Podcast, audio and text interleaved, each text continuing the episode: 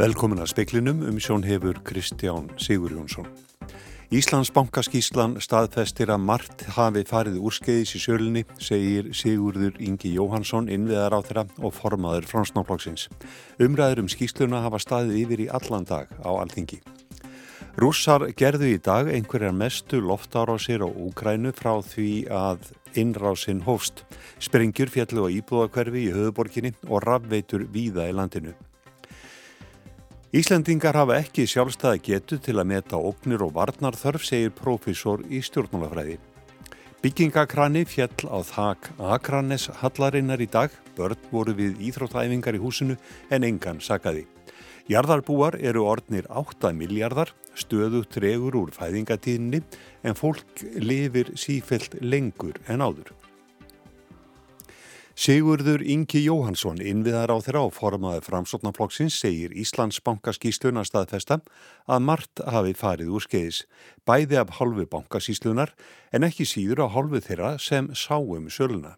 Ég eh, var á þeirri skoðun strax í vor, til, svo tilfinning var að, að framkvæmdinn hefði farið úr skeiðis á margan hátt, bæði að halvu bankasíslunar en ekki síður að halvu þeirra sem sáum söluna. Eh, nú fáum við ekki öll þau svör fyrir en að fjármála eftirlit selabókans hefur hérna, skilað sínu eða farið yfir málið en þessi skísla staðfestir það sínist mér að, að þarna fór margt úr skeiðs. Og hver ber ábyrð á því?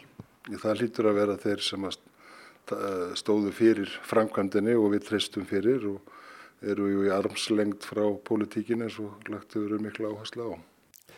Sagði Sigurður Ingi Jóhansson. Jóhanna Vigdi Sjaldadóttir talaði við hann. Umræður um Íslands bankaskísluna hafa staðið yfir á alltingi í allan dag, fjallaverður um þá umræðu síðar í speklinum. Rússar gerðu í dag einhverjar umfangsmestu loftar á Úkrænu frá því innrásinn hófst í februar. Bandarækjastjórn segir leiðtoga G20 ríkjana hafa áhyggjur af afleiðingum árásana á stöðurleika alþjóða hagkerfisins. Sprengjur fjallu á íbúðakverfi í Kíf og rafveitur víða í landinu. Úkrænsk yfirvöld telja að um hundrað sprengjum hafi verið varpað á landið í dag. Árásirnar beindust helst að rafveitum í landinu en einhverjar hefðu íbúða hverfi.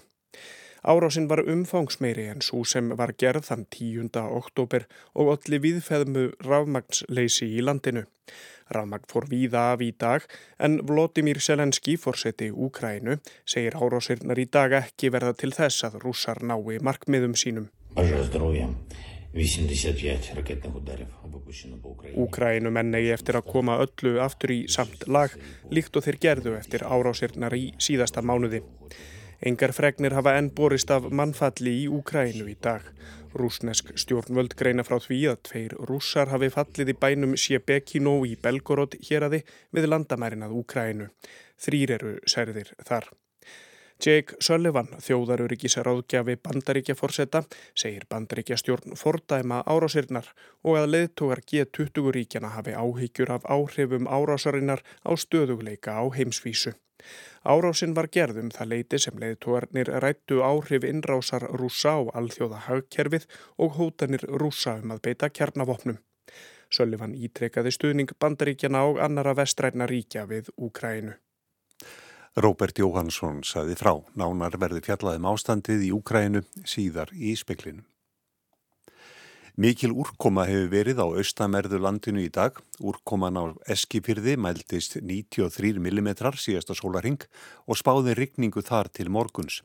Minna hefur ringt á Seyðisfyrði en gert er áð fyrir töluverðri úrkomið þar í nótt. Engar reyfingar hafa sérst á mælitækjum í hlýðinni ofan bæjarins en íbúafundur var haldinn á segðisfyrði síðdeis þar sem starfsmenn veðustofu fóru yfir stöðumála og rættu viðbrags áallanir.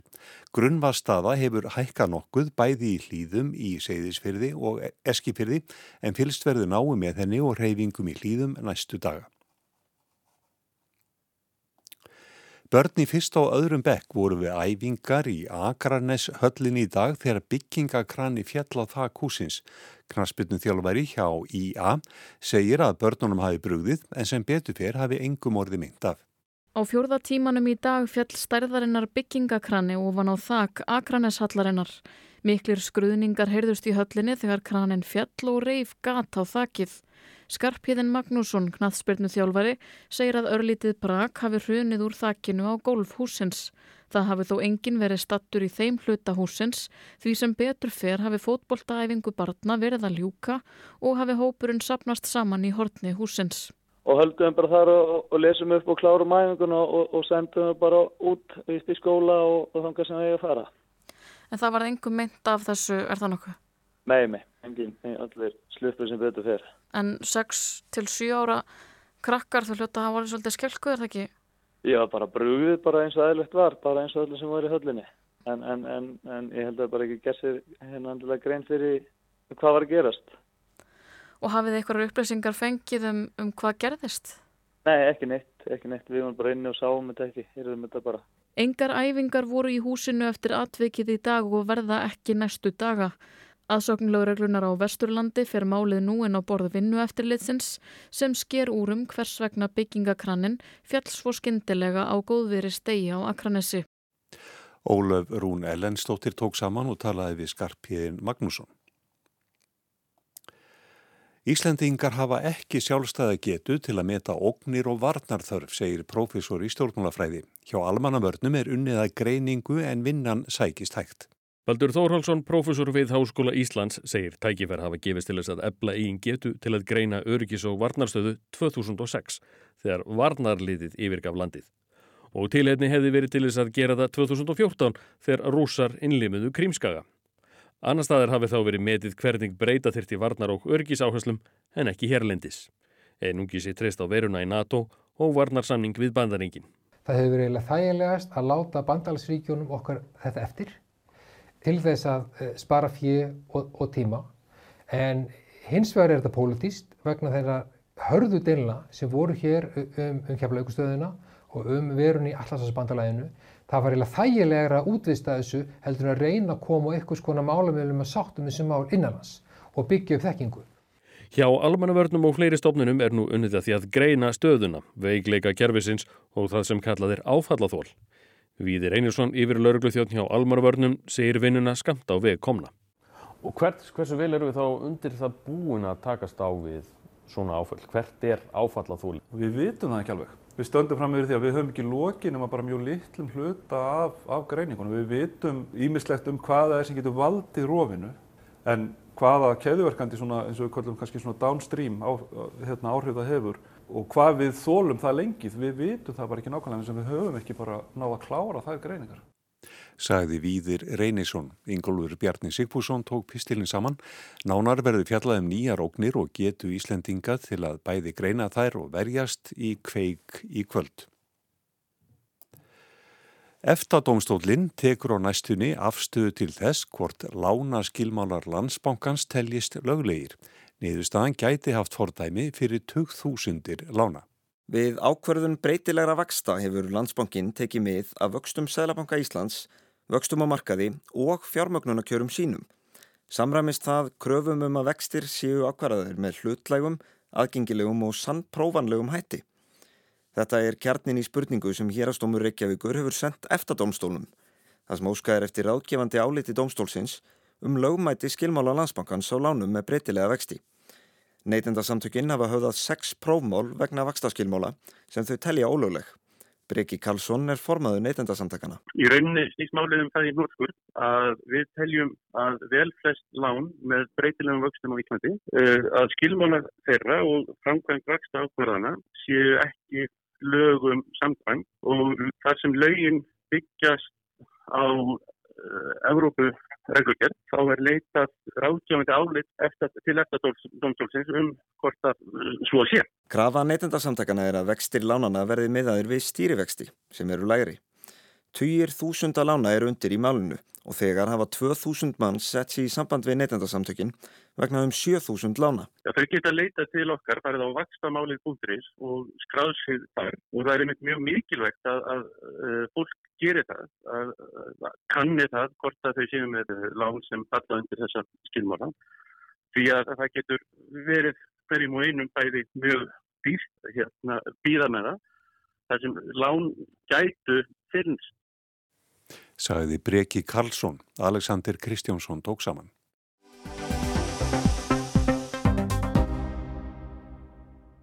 Skísla ríkisendur skoðunar um Íslandsbankasöluna var tilefni sérstakrar umræð á alþingi í dag. Þórun Sveinbjarnardóttir, formaður stjórnskipunar og eftirlitsnemdar alþingis og þingmaður samfélkingarinnar fór í upphafi yfir skísluna og Bjarni Benediktsson brást við í ansvari. Við skulum heyra hvað þeim fór í milli. Ég vil að það komi fram, hæsturtur fórseti, að ég tel að skísla ríkisendurskoðenda gefi skýra mynd af ákveðnum og afar mikilvægum þáttum þessa máls. Ég er hins vegar þeirra skoðunar að hún svari ekki öllum spurningum mínum og ég hef grunum að það eigi við um fleiri háttesta þingmenn um þetta ferli og við munum að sjálfsögðu leita svara við þeim spurningum sem spurt hefur verið og spurt verður á vettvangi nefndarinnar. Því getur hún ekki talist gefa heildarmynd af því sem fram fór og ég þarf ekki að fara aftur yfir það sem stendur í skýrslunni og í inngangi ríkisendurskoðanda um, um uh, afmörkun skýrslunnar og hvernig hún sé rituð. En það er algjörlega á hreinu að það eru aðrir þættir þessa máls, annars uh, þáttur umsjónaraðilanna, umsjónaraðila með söluferlinu, söluráðgjafanna, söluaðilanna, uh, um það hvort að þau störf og vinnubrögð hafi verið í samræmi við gildandi lög og reglur. Telur formaður nefndarinnar að ríkisendurskoðandi hafi unnið það verk sem óskað var eftir og hann síðar féllst á að vinna, sem var að meta það hvort sala á hlut ríkisins í Íslandsbanka hafi samrýmst lögum og góðum stjórnsýsluháttum? Eða er formaðurinn að gefa það í skyn hér að þetta verk hafi bara alls ekki verið unnið? Það sé slegið upp einhverjum fyrirvara í skýrslunni um að þetta falli bara utan verksviðs uh, ríkisendurskoðanda. Mig langar til að vitna í skýrsluna á blaðsíðu 26, með leyfi forseta. Þótt ekki gert sé ráð fyrir aðkomu ráðherra að framkvæmd sölunnar ber hann engu að síður ábyrgð á því að söluferlið sé í samræmi við þær forsendur og þau skilyrði sem lögð eru til grundvallar í greinargerð hans. Honum ber því að hafa eftirlit með söluferlinu og ganga úr skugga um það hafi verið í samræmi við greinargerðina áður en hann tekur ákvörðun um sölu. Og þetta, hæstv. forseti, er í samræmi við lög nr. 155/2012. Ábyrgðin á söluferlinu er hjá ráðherranum og það getur vel verið að hæstv. ráðherra þyki það við hæfi að hanga hér í ákveðnum lagagreinum um Ríkisendurskoðun af því að það hentar núna, en það bara hentar ekki, hæstv. forseti, af því að við ætlum að komast til botns í þessu máli. Já, ég verð að segja það alveg eins og er. Ég fæ það á tilfinninguna að það hafi orðið slík vonbrigði fyrir stjórnarandstöðuna hér í þingi að fá ekki staðfest lögbrot, stórfellt gáleysi eða annað, að það hafi verið farið þannig á svig við lögin sem um efnið gilda. Hvergi segir það í skýrslunni, sem var þó unnin í hálft ár, að nú þurfi að finna einhverja nýja leið til þess að ræða um málið, að útvatna. Og hér brosa menn, ég verð að segja, í einhverjum svona hálfkæringi í umræðu um þetta stóralvarlega mál, en með því er gefið í skyn, ekkert minna heldur en það, að ríkisendurskoðandi hafi bara einfaldlega ekki unnið verkið. Mér finnst það mjög alvarlegt, sérstaklega trúnaðarmaður Alþingis. Það er mjög alvarlegt mál. Ástildur Lóa Þórstóttir þingmaður Flokks Fólksins sem á sæti í nefndinni sagði það ekki vera svo að nefndin væri ósátt með vinnu ríkisendurskoðanda, þvert á móti. Þingmenn stjórnarandstöðunar töluðum um að eignir í bankanum hefði verið seldar á undirverði en fjármálaráþeira sagði það vera þvælu og að markmið ríkisins hefði verið vítakar en svo að fá aðeins hæsta mögulega verð fyrir hlutina. Sigmar Guðmundsson þingmaður viðresnar saði tröst ekki til staðar til að halda áfram með sölu á hlutum sem ríkið á enni í Íslandsbanka. Og það er algjörlega yfirlýst setna ríkistofnarinnar að gera nákvæmlega ekki neitt til þess að byggja upp tröstið á nýja leik til að mynda með því að stopna rannsóknarnemnd alþingis sem er svo dæminn sanna aðili sem er fær til þess að byggja upp tröst. Það að kalla eftir þessari skýslu til alþingis er einmitt til vitnis um það. Yfirlýsing ríkisstjórnarinnar um að við ætlum að klára umræðu og uppgjör við síðustu sölu áfanga áður en við hefjumst handa við að selja meira er líka til vitnis um það að við viljum einmitt að traust sé til staðar. Svo er það náttúrlega þannig eins og venjulega að hér eru þingmenn inni sem treysta ekki mér eða ríkisstjórninni, öðrum ráðherrum í ríkisstjórninni og ég segi bara sömuleiðis. Sömuleiðis, ég myndi aldrei treysta viðkomandi þingmönnum til að fara með fjárreiður ríkisins eða taka ákvarðanir sem máli skipta. Morguninn eftir útboðið tók hæstv. fjármálaráðherra fram að það sem hafi ráðið við söluna á Íslandsbanka hafi ekki endilega verið hæsta verð heldur mikilvægi þess að fá inn eigendur sem vildu byggja bankann upp til lengri tíma í stað þess að leita að skjótfengnum gróða. Nú hefur komið í ljós að þeir erlendu aðilar sem réðu verðlagningunni í ferlinu voru ekki langtímafjárfestar heldur fjárfestar í leit að skjótfengnum gróða, fjárfestar sem seldu sig út nokkrum dögum eftir að hafa tekið þátt í útboðinu. Ég spyr hæstv. fjármálaráðherra: Er það rétt skilið að hann hafi vitað að erlendir aðilar væru ráðandi í verðlagningu? Það sem ég hef sagt fyrir þingnefndum stendur, m.a. það að þegar endanleg ákvörðun er tekin um verð og magn þá er verið að horfa til þess hvernig úthlutun mun koma út. Og já, við vildum standa við það sem lagt hafði verið upp með, að tryggja bæði dreift og fjölbreytt eignarhald. Og já, við höfðum upplýsingar um það að ef við vildum sækjast eftir hærra verði þá myndi það hafa töluvert mikil áhrif, m.a.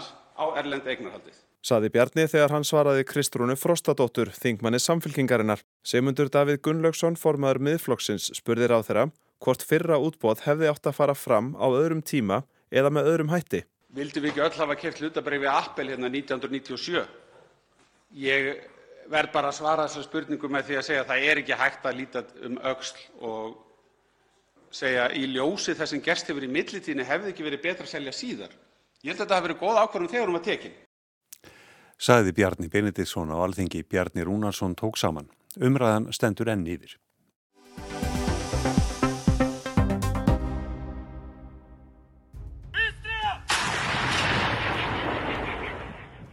Nærri nýju mánuðir eru nú liðnir frá því að rúsa réðust inn í Úkrænu. Markir heldu að rússar myndu fljótlega ná öllum öldum vegna hernaðalegra yfirburða en reyndin hefur orðið önnur. Mótspyrna Úkrænumanna hefur verið miklu öflugri en flestir gerir áð fyrir og í ljós hefur komið að rúsneski herin glýmir við mikinn innri vanda, spillingu, agaleysi og úr sér gengin vopn. Speillin rætti í dag við Albert Jónsson, fyrirverandi sendiherra í Moskvu og sérfræðingi örgismálum. Fyrstulega, sko, hrakför rúsneska hersins í Úkrænu, hún heldur áfram Og síðasta áfallið og auðmíkingin er það að þeir hörfa frá Hersson borg, reyndar ekki frá Hersson héræði, hörfa frá, hörfa frá Hersson borg í sögurlutanum og austu fyrir fljótið Nýbró og við skulum ekki gleyma því sko að það er mjög stutt síðan og líst yfir að Hersson héræði væri hluti á Rúslandi. Það er ekki bara líst yfir, það er, það er gert með lögum og samþýgt á þingið, partur á stjórnarskara Rúsland og Putin fórsett sagði að Rúsland yrði varið með öllum tiltækum ráðum. Þannig að þetta er enn einn sneipu förin að segja maður og, og auðvíking og áfall. E, staðan á vígvöldunum, við, horfum á til þeirra sem er fyrst og náttúrulega í östurhlutanum, í Donetsk og svo þarna e, við til Nýbrófljóti núna. En e, með fyrirværum óast þetta þá hygg ég að, rússar haldi áfram því sem þeir eru byrjaðir á sem er að setja niður varnarlínu og koma fyrir stórskotaliði á austur bakka til Nýpró fljótsins og einbeiti sér síðan að sóknaraðgerðum í Donetsk héræði, á svo kallum Donbass svæði og það var þetta megi markmið með, með innrásinni að, að leggja það undir, undir Úsland. Þannig að ef þið næðu því að klára Donetsk, þeir eiga eftir þar tölvert, þá gætu þeir eflaust skynnt að heima fyrir í bili sem ákveðin áfangasigur og Þannig að það er talið að verulegu þáttur í ákvörðunum að fara frá Hersson hafi verið að losa mannskap til að setja alla áherslu núna í bíli á uh, Donetsk. En ég segi bíli af því það er vetur að koma þannig að sóknar aðgerða mun hæja öllum möguleikum í því efni eftir nokkra vikur, mestarlega eitt, tvo mánuði. Skulum ekki gleyma því að, að Úkræmi hér náði miklum árangur í norðaustulundum og rúsneski hérinn fór þar enna eina rakkvöruna og sneipi förina tapaði mikið af búnaði og öðru og rauninni bara herrmennir hlupu frá öllu saman í Kharkiv hér að þið. En þar ákváður rússar alveg eins og núna í Hersson að hætta að flytja sig í burtu. Þeir bara gerðu það mjög illa í Harkið. En það er alveg sama ákverðin þar. Þeir ákveða að hætta, þeir ákveða að flytja sig í burtu. Þetta er ekki, þetta er ekki orustur. Þetta nei, þetta, nei, þetta er ekki það. Úkrænu herr leggir til allugu og sigri í rúslenska herr. Það sem Úkrænu herr gerir er að hann gerir rúsneska hersveitónum og þessu stöðum ókleift að vera í framlínunni með þessum bandarísku vopnum sem gerir Úkrænu herr kleift að ráðast á aðflutninga stjórnstöðva rúsa og, og, og annars slíkt sem er mjög mikilvægt fyrir hernaðar. Þannig að, að þetta er sigur úkrænaði í þeim skilningi. En þá meðum ekki gleyma að rússar eiga því miður ímsa möguleika sem þeir eru að nýta sér sem ljúta því að, að gera ára sér áfram á innviði í Úkrænu. Þar á með að raforku verið eins og þeir hafa gert. Það vantar 40% af ramagninu í Kíf og það er ekki bara ljósinn sem fara, það er vatnið og fullt af þjónustu við almenning þannig að eins og frangandastjóri í NATO nefndi held ég í gæri að, að það getur orðið mjög erfiður vettur framöndan fyrir almenningi í Úkrænu. Serðu eitthvað í spílunum um að það verði einhverjar fríðar umleitanir á næstunni? Það veru fréttir um það að bandaríkja stjórn hafi ekki beitt þrýstingi en gefið í skinn við Úkrænu að kannski sé nú komin tími til að huga að diplomatískri löst. En ég, ég hef enga trú á því að bandaríkjastjórn fari að beita Úkrænum við einhverjum verulegum þrýstingi. Það er bara mikið samstaða í pólitíkinni í bandaríkjónum um stuðningin við Úkrænum. En heyrist þér á Úkrænum fórseta að það sé einhver vonum, einhverja freyðar umleitanir meðan Pútín er völd? Nei, ekki sem svo kröfugerðinu lagð fram að þá er það ekki. Hins vegar, sko, styrjaldir hafa einn eh, moment og, reyfi af landa, það er ómögulegt að segja hvað getur gerst á, næstu ykkur. Eitt sem náttúrulega er opið í þessu er hvers konar tryggingar úkrænum en fengju gegn því að láta einhvað að hendi, einhvað að sínu landi, öryggistryggingar, tryggingar um aðild að Európa-samhandinu, tryggingar um aðild að NATO, það myndi það duga á úkrænumönum og í staði myndu þess falla frá kröfum að lands, öllu landsvæðinu verið skila ég, það er ómöld að spá, spá um það en svona spekulasjónir, sérmaður á netinu og, og haft eftir ónemdum embætsmönu sérstaklega í, í, í bandarísku stjórnkerfinu að kannski þurfum nú að fara að huga þessu og að Úkrænar eigi ekki möguleika á að rekja rússan alveg úr landi. En þá bara til að, að hafa sagt það sko Það er ekki út í loka miðað það sem allt undan að gengi, rakkuruna sem ég var að nefna, að rúslinski herin hreinlega bara leysist upp í Úkræn og gefist upp og fari.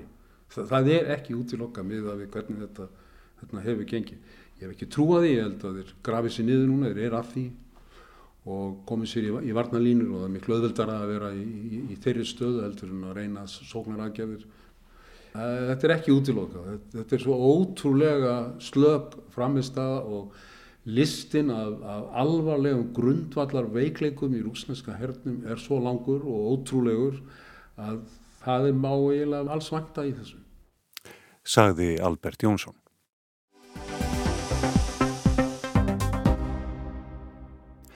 Áttundi miljardasti jarðarbúin koma líkindum í heimin í dag. Útlit er fyrir að það dræjur fjölgunni á næstu áratugum. Eftir að sá tíundi miljardasti fæðist einhver tíma á nýjunda áratug aldarinnar má rekna með að jarðabúum takja að fækka.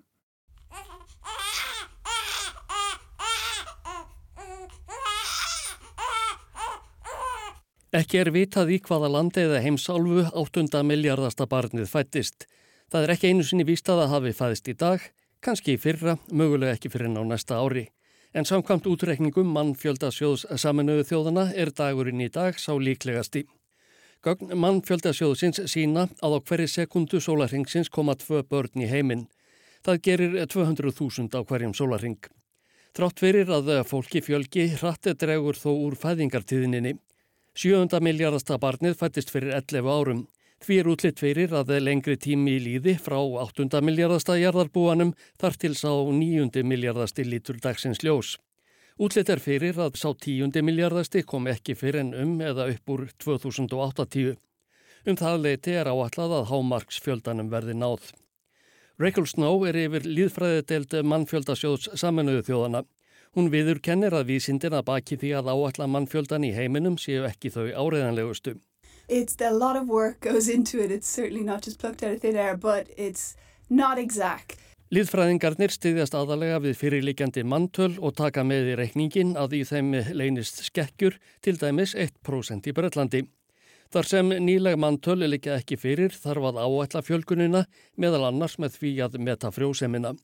Fólk er spurtið hver mörg börn séu á heimilinu og hvort þau hafi öll komist á legg.